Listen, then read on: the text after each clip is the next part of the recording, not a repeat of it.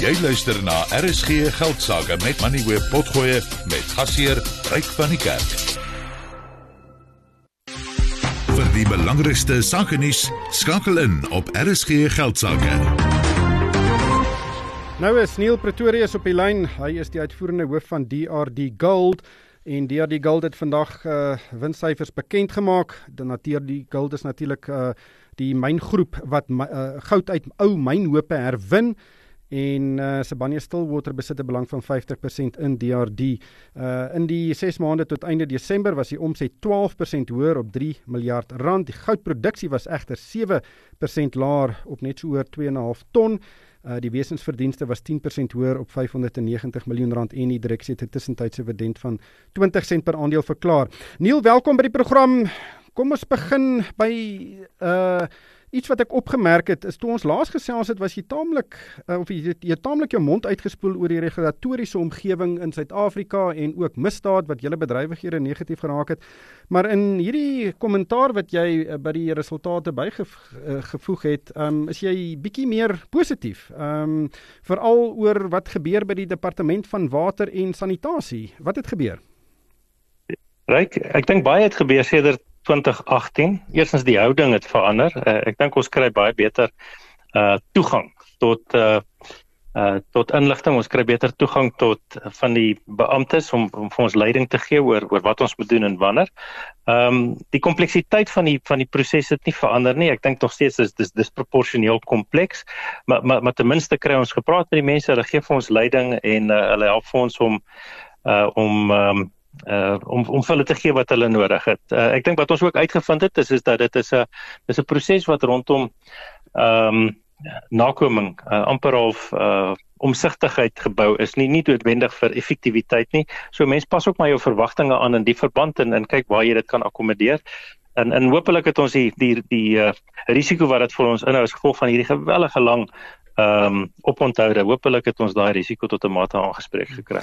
Het julle probleme met lisensies? Uh verskillende mynbou lisensies. Ehm um, van dit lyk asof dit een van die groot probleme is wat baie van die ander myngroepe raak. Ehm um, weet mynlisensies ja. en ook eksplorasie lisensies, waterlisensies ensovoorts.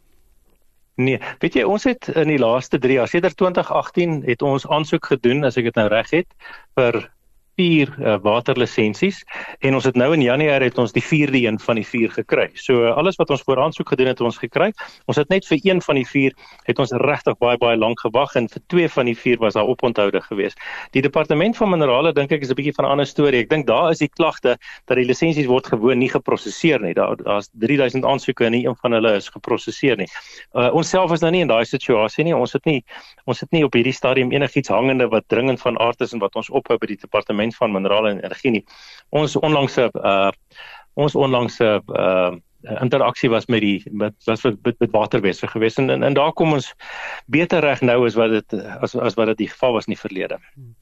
Dan het julle ook uh, in die resultate aangedui dat julle sowat of net meer as 'n miljard rand uh, gebruik het om om julle infrastruktuur te te verbeter en uit te brei en dit was veral 'n belegging in 'n nuwe sonplaas. Nou of uh, 'n uh, sonaanleg om julle van elektrisiteit te voorsien.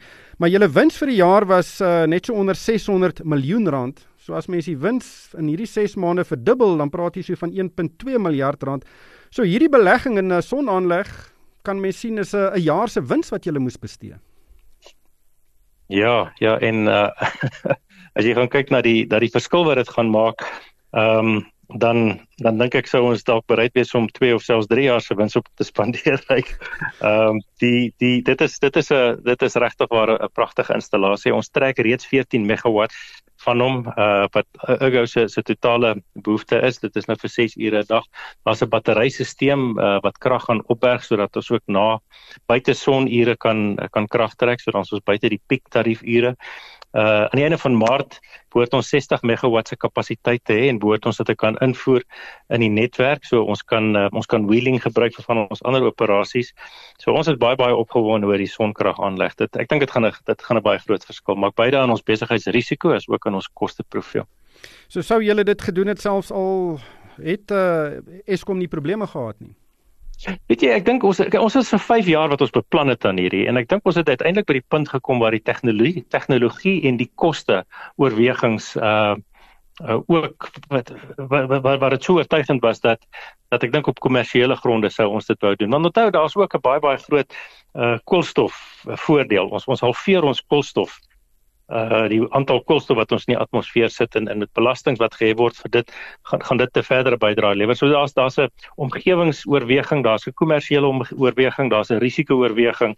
Ehm um, dit, dit dit maak net baie baie sin. Uh so so ek is baie baie bly ons het gewag eerstens en ek is ook baie bly oor wat ons op besluit het toe ons uiteindelik uh voortgegaan het met die met die ontwerp en die tegnologie wat ons gebruik. Ehm um, so so ek ja, ek dink dit is 'n is 'n baie goeie installasie om te hê. Hmm. Kom ons gesels oor julle bedryfs ehm um, prestasie of vertoning. Ehm um, die dal, uh, die uh, goudprys was baie sterk, die rand het verswak, so dit verklaar hoekom julle 'n winste gestyg het, maar julle goudproduksie was 7% laer. Hoekom het julle minder uh, goud geproduseer? Wat was die redes?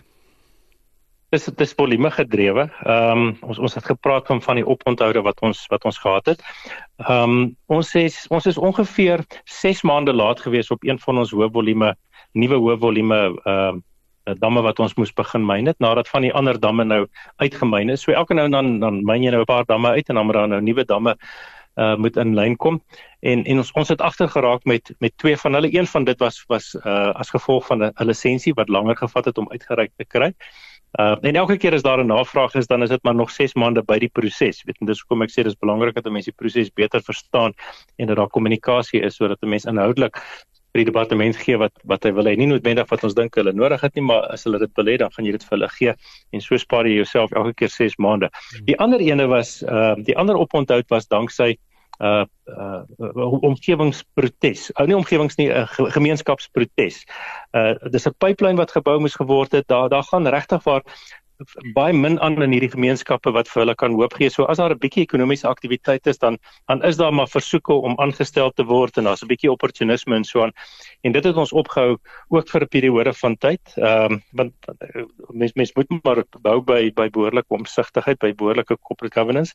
En en dit het ons so 'n bietjie seer gemaak, maar dit is dan alles nou agter ons, so ons volume profiel is herstel. Uh, die lisensies is in plek, die pipeline is in plek, die die soos soos hulle sê in mynbou taal die job loop weer en uh, en en nou gaan ons volume profiel beter lyk like en uh, minder materiaal met met swaar voertuie rond uh, rondskuif. So dit plus die feit dat dat die sonkrag ook daarmee 'n bietjie van 'n impak gaan hopelik gaan hy op ons koste in die afsienbare toekoms. Dit plaas ons in 'n in 'n redelike goeie posisie vir die vir die afsienbare toekoms vir die medium en, en korttermyn. Net kortliks jy verwys nou jy het nou 'n paar keer verwys na die volumes wat jy moet verwerk. Ehm um, hoeveel ton grond of erts uh, in die mynhope moet jy verwerk om byvoorbeeld 'n kilogram goud te te kry?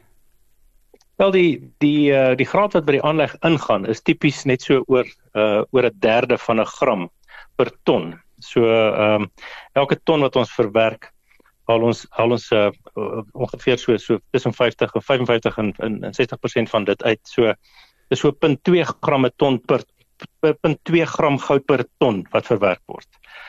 Ehm um, so so dis redelik baie wat ons moet skuif. En en dan natuurlik as jy nou uh, in jou normale loop van omstandighede skuif een een operateur skuif so skuif so 'n ton elke 5 sekondes. So jy kan hom tel, jy weet dit is, is tussen 90 en 100 rand se se, se netto kontantvloei elke 5 sekondes.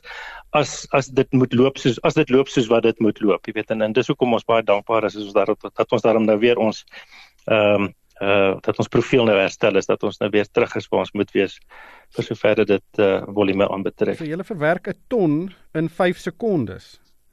Elke operateur, ja, en ons het heelwat operateurs. So daar daar daar daar word elke 5 sekondes word 'n ton geskuif met hierdie hoë drukspuiter. Ongelooflik. Neil, baie dankie vir jou tyd. Dit was Neil Pretorius, die uitvoerende hoof van DRD Gold.